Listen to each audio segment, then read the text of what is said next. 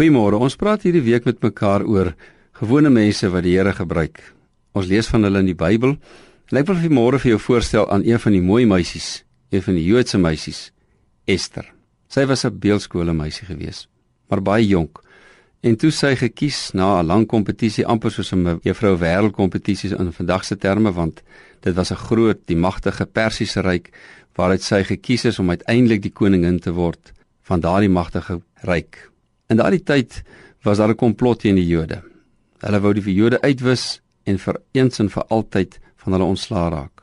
En dan word Ester gekonfronteer met hierdie groot vraag: Wie weet?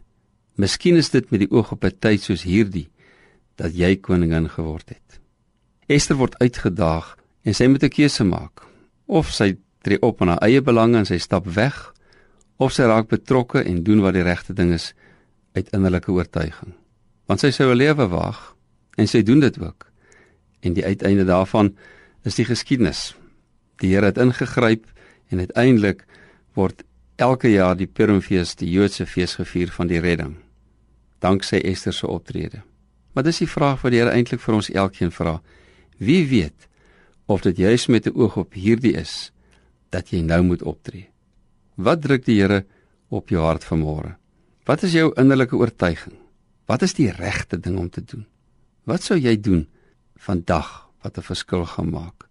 Wie weet, miskien is dit juis vandag wat jy in daai kantoor moet instap en die ding moet aanspreek wat die Here al so lank op jou hart plaas. Wat sal die regte ding wees om nou te doen in jou huwelik, in jou huis, in jou kinders? Wat sal die regte ding wees om te doen in jou gemeente of tussen jou vriende? Die Here vra, wie weet? Miskien is dit juis vir 'n dag soos vandag wat die Here op jou hart iets druk. Doen dit. Kom ons vra die Here om ons te help.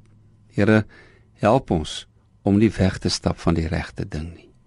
Dankie vir die kanse wat U vir ons gee in Jesus naam. Amen.